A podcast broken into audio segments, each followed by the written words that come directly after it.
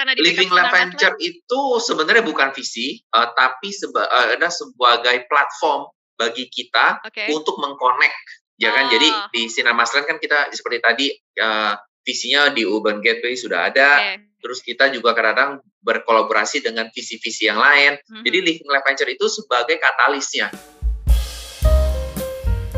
DS Podcast minggu ini bersama saya Yeni Yusra.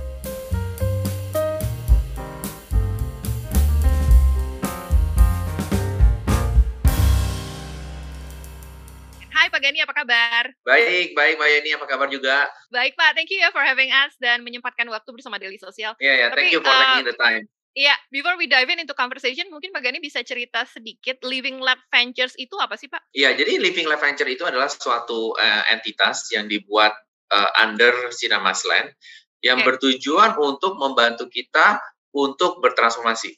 Karena kalau kita lihat dari Sinamasland itu kan perusahaan yang besar ya, dan kita di iya. dalam situ juga lumayan kompleks organisasinya. Hmm. Jadi kadang-kadang karena kita terlalu besar, kita su su uh, sedikit lebih lamban untuk mencermati perkembangan di lapangan. Nah, oh. dengan adanya suatu unit yang khusus yang dibentuk, diharapkan dari unit ini muncul ide-ide transformasi yang bisa akhirnya di-deploy di Sinamasland. Jadi hmm. uh, hubungan Sinamasland dengan Living Lab Venture itu sangat uh, sangat kerat, sangat erat sekali karena kita melihat mereka sebagai strategic partner untuk membantu kita men-scale up inovasi-inovasi agenda di dalam Sinar Maslen sendiri. Tapi kalau kita lihat uh, karena Sinar Maslen ini uh, nama besarnya ya Pak ya, apakah fokusnya ke PropTech atau ternyata untuk Living Lab Ventures sifatnya agnostik Pak? Ya, kita memberikan mandat kepada Living Lab Venture untuk lebih agnostik. Karena kalau hmm. bicara mengenai PropTech, PropTech itu sangat uh, miopik ya, sangat yeah. Sangat kecil kita bisa bayangin kadang-kadang teman-teman yang di payments itu juga bilang protect seperti in home itu sebenarnya kebanyaknya tuh di paymentsnya dia yeah. punya bisnis tuh kebanyakan di paymentsnya yeah. terus ada uh, apa uh, bisnis-bisnis yang lain yang sepertinya peer to peer uh. tapi bilangnya protect seperti teman-teman di Gradana misalnya yeah. Jadi memang ada proptech, tapi proptech secara industri itu sangat kecil. Nah, Jadi kalau kita melihat ya, Pak ya? enabler proptech, tapi betul, in, sebagai enabler ya? proptech benar. Yeah. Jadi kita ngelihatnya Sinamasland itu kan kita kan uh, property developer. Yeah. Dan kita suka bilang kita itu city builder, kita membangun suatu kota. Jadi kalau yeah. membangun suatu kota, sebenarnya kita butuhkan solusi lebih banyak atau di luar PropTech. Makanya uh -huh. Dengan mengengage uh, Living Lab Ventures, kita memberikan mandat kepada Living Lab Ventures untuk membantu kita melihat solusi even di luar PropTech. Jadi kita sangat agnostik uh, dalam okay. kita punya approach. Ya. Seru banget Pak, memang dalam beberapa tahun terakhir PropTech memang mengalami peningkatan dari sisi demand, funding, sampai beberapa platform baru lokal sampai asing yang masuk di Indonesia. Growth-nya memang sempat agak lambat pada saat awal pandemi, tapi saat ini udah mulai bergairah ya Pak ya. Sinar Maslen menangkap pro, uh, potensi itu ya Pak? Betul, kita sebenarnya dari dulu sebenarnya kita sudah melirik lah ya, kita membidik uh, sektor ini karena PropTech itu uh, seperti yang Mbak Yeni bilang, mungkin baru hot 2-3 tahun terakhir ini. Yeah. Sebelum-sebelumnya tuh semua orang tuh sibuknya e-commerce lah. Padahal yeah. kalau kita ngomong e-commerce, iya e-commerce itu kan sebenarnya banyak logistik prosesnya yeah. kan. Yeah. Tapi nggak pernah ada kayak oh logistik tech, log tech punya fokus gitu. Baru hmm. terakhir-terakhir ini kan baru ada lah kayak shipper dan kawan-kawan. Nah jadi jadi kita sudah ngeliatin tapi memang bentuk PropTech itu sendiri itu belum ada karena dulu-dulu di PropTech 1.0 orang-orang berpikirnya tuh PropTech itu kayak construction tech. Jadi yeah. padahal kalau kita bicara mengenai construction punya tech uh-huh. itu nggak banyak uh, apa yeah. inovasinya gitu kan. Jadi memang ini industri yang sangat uh, banyak yang ngelirik uh, di dan uh, di sebelum-sebelumnya. Malahan kita kalau bisa bicara sampai 2020 kalau kita melihat investasi di PropTech related atau di real estate itu tuh nggak di top 10. Kita hmm. tuh di luar mungkin di top 20 atau top 25. Mau lihat dari McKinsey, dari BCG, dari Bain, reportnya semua konsisten. Tapi di ya. dua tahun terakhir ini, tiba-tiba banyak proptech related uh, investasi yang diguyurkan oleh visi-visi teman-teman dari visi yang ya. masuk ke sektor ini. Dan ini -huh. membuat gairah yang baru bagi kita pemain lama di properti real estate industri di Indonesia. Jadi kita melihat bahwa oh ternyata banyak loh startup-startup yang memberikan solusi alternatif di area-area yang sebenarnya kita sudah lirik sebelumnya, tapi kita nggak pernah terlalu terekspos. Jadi ini makanya uh, di dua tahun terakhir ini uh, sangat uh, menarik ya uh, di di sektor ini. Menarik juga Pak, karena Sinar Maslen kan lagi menggadang-gadangkan digital hub-nya nih Pak, di Alam Sutra ya Pak ya. Ada kaitannya nggak sih Pak, uh, Living Lab Ventures untuk um, meng-cater atau meng-enhance digital hub-nya punya Sinar Maslen? Artinya, apakah kategori startup yang nanti dilirik memang ujung-ujungnya nih ngebantu atau nge-support digital hub yang sekarang lagi dibangun sama Sinar Mas nih Pak? Hmm, Oke, okay. uh, koreksi sedikit Mbak Yani, digital hub adanya di BSD, bukan di Alam oh, sorry. Iya, uh, cuman maaf Pak. ya, uh, kita ada kedekatan Pak ya, Sumarekon, Alam Sutra, BSD. Uh, BSD, jadi, Alam Sutra beda ya Pak ya? Betul, betul beda. Uh. Kita di, di BSD. Uh, okay. Jadi kalau kita ngelihat uh, investment kita itu otomatis kita fokusnya kalau uh, tadi Mbak Yani udah bicara mengenai digital hub, hmm. Sebenarnya digital hub itu kita membantu membuat suatu ekosistem. Jadi kalau kita bicara ekosistem itu okay. bukan hanya startup investasinya di sana, yeah. tapi juga orangnya, juga bisnisnya. Jadi kita mau kita mau mau mau mengreplikate uh, cerita-cerita sukses yang ada di luar negeri ya, seperti di Silicon Valley dan segala macam. Di mana kalau kita bicarakan mengenai ekosistem, itu sebenarnya kita mengajak pelaku-pelaku uh, bisnis, pelaku-pelaku industri dalam hal ini mungkin startup ya, karena ini uh, mungkin digital hub lebih uh, mungkin relasinya orang-orang pada bilang startup, padahal kita nggak harus startup oh. karena uh, company-company besar yang sudah matang, tapi memang di new economy ya, lebih ke new economy yeah. seperti Traveloka juga pun udah ada di sini. Yes. Nah, jadi idenya adalah kita bantu membuat ekosistem di mana offline dan online bertemu. Nah, hmm. kalau kita kebanyakan berpikir mengenai startup, kita selalu mikirnya tuh online presence-nya. Yeah. Betul, yeah. tapi kan ada orangnya. Yeah. Nah, bagaimana kita membuat suatu ekosistem bukan hanya bisnisnya yang pindah, tapi kita mau orangnya pindah. Okay. Mungkin kalau orangnya pindah, oh dia orang mau tinggal yang deket-deket, nggak mau hirup pikuk Jakarta, kalau mereka harus ke WFO, ke office, mereka yeah. bisa tinggal di BSD. Jadi di BSD itu bukan hanya tech startup yang kita undang, tapi kita juga menginvestasikan kita punya ekosistem dari mahasiswa, dari uh, dari pengguna jasa, dari komuter, itu benar-benar komplit. Nah yeah. ini yang membuat digital hub konsep di BSD itu sangat menarik karena ya. kita ada ada gedung yang memang didesignasi sebagai tempat-tempatnya pemain-pemain new economy untuk ada ya. di sana berkolaborasi dengan ya, bisnis-bisnis kita di luar juga betul ya. dengan startup dengan yang lain-lain juga ya. seru jadi uh, kalau saya lihat sih kayaknya sinar masla ini mau ngegedein ekosistemnya pak ya betul karena kalau kita lihat kita tuh punya semua apalagi ya. kalau kita bicara mengenai uh, city ya kota ya, jadi kalau kita karena melihat Sinema Science sebagai real estate developer, menurut hmm. saya itu terlalu sempit. Karena real ya. estate ya. developer, uh, asosiasi orang adalah kita nyiptain mimpi, kita hmm. bangun rumah, terus kita ya. jual, terus kita uh, kita make sure uh, kawasan kita terawat rapi. Udah, yeah, cuma it. sampai sana. Uh-huh. Tapi kalau kita melihat uh, Cinema Land bukan sebagai real estate developer, tapi lebih ke city builder, Yeah. Nah, ini skopnya jadi gede karena kalau di city berarti apa? Ada ada pemerintah, ada orang yang lewat, yeah. ada orang yang cuma naik kereta ke intermoda kita, terus mereka naik uh, naik uh, apa? naik ojek atau naik transportasi umum. Ada uh, teman-teman mahasiswa yang kebetulan sekolah di BSD. Kita ada uh, Monash University, kita bakal ada university lain, ada Atmajaya. Terus kita juga punya orang-orang uh, yang mau uh, shopping, ada yeah. Cubic, ada Breeze, ya kan, ada Aeon. Hmm. Terus jadi kita banyak kan waktu kita start mengumpulkan pain points pain points dari teman-teman ini banyak banget sudah sangat ya. kompleks kita nggak bisa menjawab tantangan tersebut dengan kacamata sebagai seorang property developer tapi kalau kita membuka kacamata kita kita ngelihat lensa yang lebih besar yaitu sebagai sebagai suatu kota kita bukan hanya bisa mendefinisikan problem itu lebih holistik, tapi kita bisa mendapatkan solusi yang tepat karena kita akan merangkul semua stakeholder di dalam ekosistem tersebut untuk meurai problem-problem yang jauh lebih kompleks untuk menjadi lebih simpel dan bisa disolusikan seperti okay. Uh, kalau kita lihat dalam beberapa tahun terakhir, terutama tahun ini, Sinar Maslen juga gencar melakukan kolaborasi dengan uh, visi dan angel investor terkemuka, Pak. Salah satunya Urban Getaway Fund nih, Pak. Integrasi antara Living Lab Ventures dengan uh, UGF akan ada nggak sih, Pak? Atau itu entitas yang berbeda?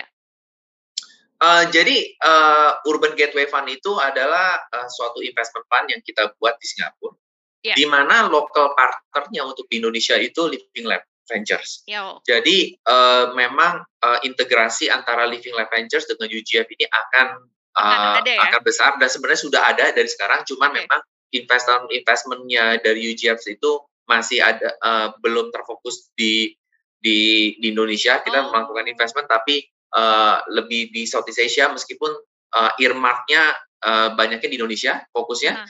dan kita uh, expect dari Living Lab Venture ini akan memberikan signifikan kontribusi kepada satu ke uh, test bedding karena sebagai kalau kita uh, sebagai venture capital kalau modelnya hanya menginvest saja mungkin tidak memberikan nilai tambah bagi investor uh, bagi uh, foundersnya tapi yang kita tawarkan adalah dengan adanya Living Lab Ventures, kita bisa mengkonek ekosistem kita dengan fund kita. Jadi bukan hanya kita melakukan investment, tapi kita memberikan kesempatan bagi uh, startup-startup yang kita invest untuk punya go-to market strategi di Indonesia bagi yang dari luar negeri.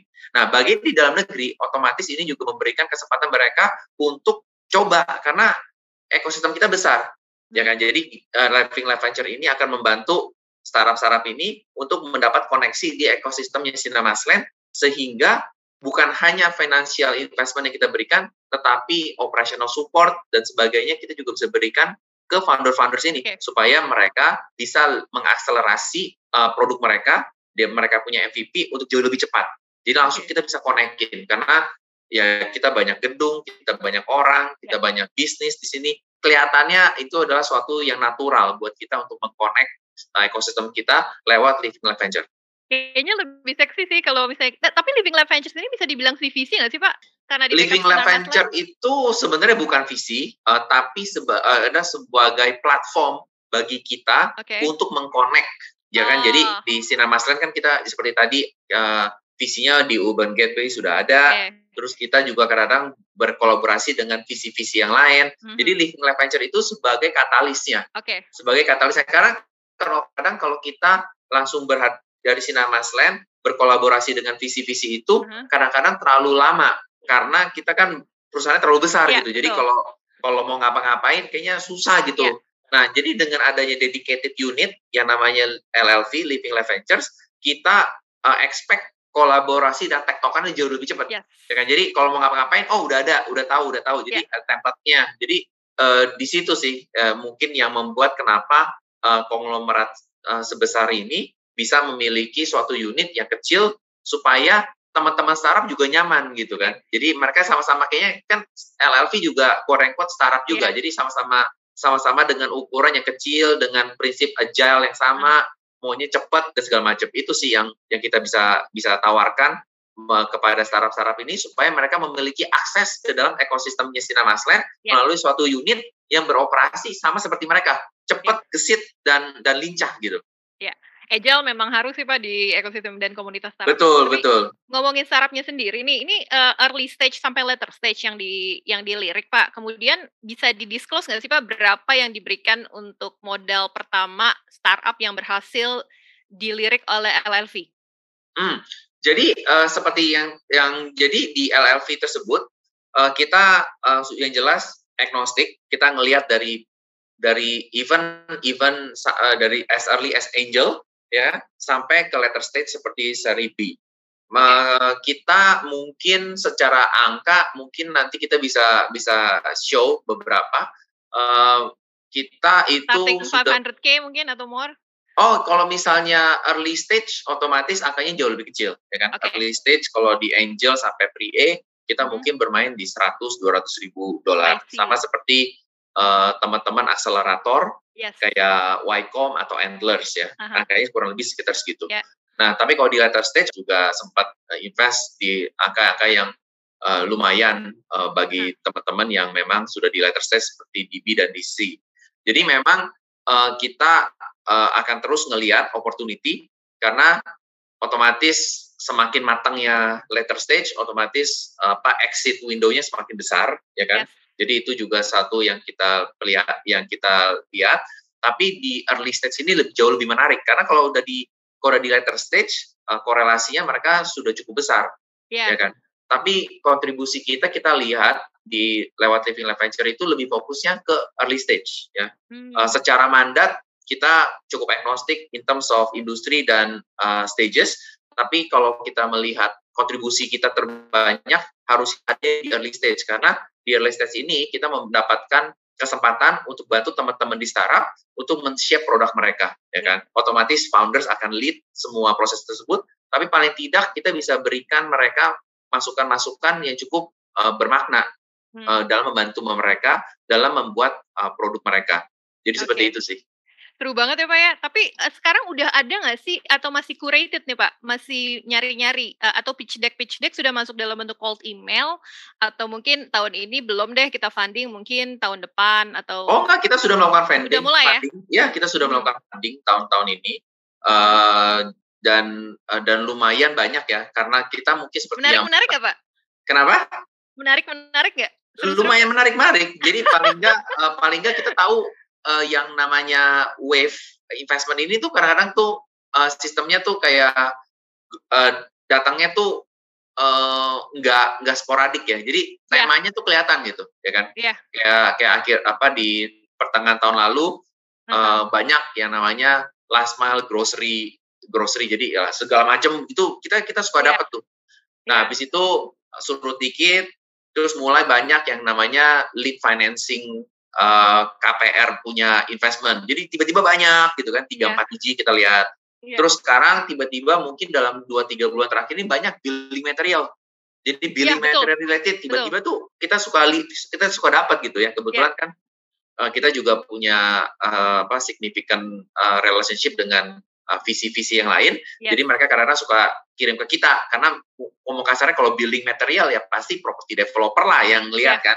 Mm-hmm. Jadi kadang-kadang kita dapat, oh terus uh, kalau mau lihat oh kayak uh, apa mortgage financing atau mortgage leads punya referral kita juga juga dapat. Jadi dengan adanya unit ini kita bisa melihat uh, apa uh, interaksi di suatu tempat. Kalau dulu mungkin kita di Sinamasan juga juga terlibat, tapi orangnya kan beda-beda ya. Iya. Nah sekarang dengan adanya unit ini uh, under Pak Bayu, paling enggak kita bisa melihat semua materi itu datang di suatu tempat jadi kita bisa compare ya kan? Hmm. uh, apa investment mana yang kita mungkin lebih cocok ya kan? Atau uh, investment thesisnya paling mirip ke apa yang ingin lakukan seperti apa. Karena sebagai living life venture kita nggak hanya serta merta melihat financial return tapi kita juga melihat strategic return. Strategic return apa yang bisa dikonekin dari startup ini kalau mereka ada di ekosistemnya Sinamasland apa ya. sih apa impact apa yang mereka bisa bawa ke ekosistem kita. Jadi teman-teman di Living Lab itu punya dua kacamata. Mereka lihat kacamata secara financial return, tapi mereka juga uh, pastikan bahwa hampir investment yang kita lakukan itu pasti ada strategi contribution-nya ke ekosistemnya Sinamasland. Bukan ke iya. Sinamasland-nya toh ya, tapi ke ekosistem kita. Jadi kadang-kadang yang benefit itu bukan Sinamasland, tapi ekosistemnya kita seperti universitas ya. lah, seperti pelaku bisnis di BSD, jadi nggak serta-merta kita ngelihatnya di kacamata Sinemasen aja. Ya, Terus tuh itu yang paling seksi malah kalau menurut saya added value dan strategic partnership. Funding hmm. memang penting tapi kalau ada added value malah lebih bagus lagi ya Pak Gani. Betul, Terakhir, betul. Pak Gani, Uh, uh, target untuk LLV tahun ini apa? Berapa startup yang bakal dilirik untuk diinvest? Ada nggak sih Pak kuota yang ditetapkan oleh LLV per semester atau per tahun gitu Pak? Atau bebas aja, spontan aja gitu? Hmm, sekarang mungkin kita sedikit bebas sih karena okay. ini kan mungkin baru tahun pertama kita ya, beneran okay. tahun pertama kita uh, secara entitas, hmm. uh, secara secara apa? Uh, secara uh, fokus gitu. Hmm. Jadi kita masih mencoba-coba, ya kita masih test the water karena karena duitnya oh, too much money chasing a few deal, jadi yes. duitnya lagi banyak.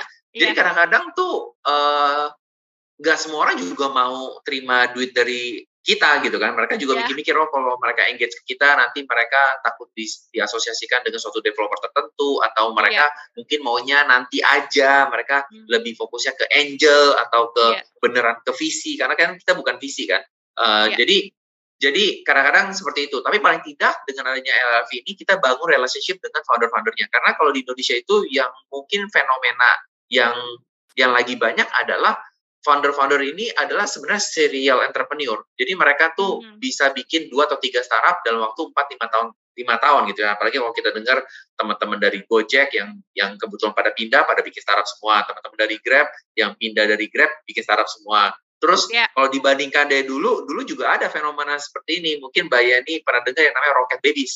Yes. Jadi roket yang zaman dulu tahun Sama 2000. PayPal Mafia, Pak. Ya, 2012, lagi, 2013 teman-teman dari Rocket itu yeah. akhirnya juga bikin startup-startup yang lumayan yeah. akhirnya sampai sekarang jadi besar-besar gitu. Jadi kalau yes. kita bisa mengaca 10 tahun yang lalu di mana Rocket Babies itu sukses, mungkin di kali ini lebih jamurannya lebih cepat lagi. Kalau dulu iya. Rocket yeah. Babies itu butuh 4-5 tahun untuk sampai hmm. mereka bisa bikin startup sendiri. Tapi teman-teman kita yang muda-muda nih, yang anak milenial sekarang, 2-3 tahun mereka bisa kelepas dari startup-startup yang udah rada besar, pindah jadi jamur di bikin startup yang kecil yang, yang jauh yeah. lebih menarik. Yeah. Jadi kita makanya kenapa penting sekali punya unit yang bisa membuat koneksi dengan mereka karena okay. ujung-ujungnya orang-orangnya itu itu lagi mbak Yeni. Yeah. Tapi emang itu akhirnya pada kayak gitu sih Pak Gani. Oh oke, okay. oh iya ini oh ya. Betul, jadi kita bisa kenalan, kita bisa sharing yeah. network dan mereka jauh lebih terbuka ya uh, dibandingin yes. itu karena karena mereka tahu bisnis yang mereka bangun yeah. itu bukan bisnis yang akan selalu sustainable seperti iya. perusahaan-perusahaan gede gitu kan. Karena-karena makanya kita selalu bilang kalau kita pakai kacamata Sinamasland, kadang-kadang kita melihat mereka sebagai kompetitor. Tapi kalau kita yeah. melihat kacamata lewat Living Lab Ventures, kita bisa dengan mudah bilang mereka itu suatu sebagai partner. Jadi ini kadang-kadang uh, dapat kita uh, dengan adanya unit Living Lab uh, uh, Venture ini, mm-hmm. kita bisa ganti-ganti kacamata, tergantung yeah. kacamata apa yang lihat. Karena ujung-ujungnya yang kita pikirkan adalah ekosistem Sinamasland, bukan hanya yeah. Sinamasland sendiri. Jadi dengan dengan ini kita enak gitu karena kita bisa oh kalau kita step back kita ngelihat ini kok kayaknya complicated banget ya ribet tapi kalau kita rada mundur dikit loh kelihatannya sebenarnya simpel-simpel aja gitu yeah. jadi jadi apa uh, dengan adanya unit di depan uh, Sinamasland yang jauh lebih agile dan lebih kecil ini kita gampang gitu merubah yeah. kacamata kita kan karena kalau kayak orang tua kan kalau mau bawa mobil ya pakai kacamatanya ini kalau yeah. mau baca buku ya pakai kacamatanya yang lain ini jangan kacamata mobil dipakai untuk baca buku, ya kita iya. pusing yeah. gitu. Nah, jadi ini nih, fleksibilitas seperti ini yang membuat uh, strategic uh, alignment antara Living Lab Venture dengan Sinamasland itu akan jauh lebih besar di kemudian hari. Seru banget nih, dan kita dukung nih uh, apa uh, aksi-aksi dari LLV selanjutnya karena benar banget yang Pak Gani bilang jadi lebih relatable jadi lebih approachable ya dengan adanya LLV karena kalau langsung ke Sinar Maslen kayaknya gede banget kan? Iya terus karena bingung orang-orang apa terus teleponnya ke ini apa ke ke uh, ke menteri phone call uh, apa lain. Dia orang juga di resepsionis itu juga bingung ini mau dikonek ini ke mana ini yang yeah. pertanyaan-pertanyaan kayak gini kan? Nah terus apalagi dengan zaman sekarang itu apa anak-anak muda kita jauh pakai WhatsApp, pakai email, pakai yeah. Telegram dan kita coba exist di tempat-tempat tersebut dengan yeah. harapan apa? Supaya kita lebih approachable lah di mata yeah. mereka. Kita dari dulu nggak berubah, uh -huh. Cuman dengan adanya Living Life Venture ini kita nambah channel-channel engagement yang baru bagi teman-teman kita yang emang punya ide yang cemerlang dan mereka kebetulan perlu akses ke ekosistem kita. Dan itu fungsi dari Living Life Ventures. Oke, okay. dan saya bisa ngelihat kayaknya bakalan banyak nih Pak uh, startup-startup baru yang uh, early sampai yang udah later stage kayaknya aduh seru juga nih LLV. Congrats Pak Gani dan tim dan kita tunggu uh, update selanjutnya dari LLV ya Pak ya. Ya, terima kasih Mbak Yeni. Terima kasih juga Pak Gani. DS Podcast minggu ini bersama saya Yeni Yusra.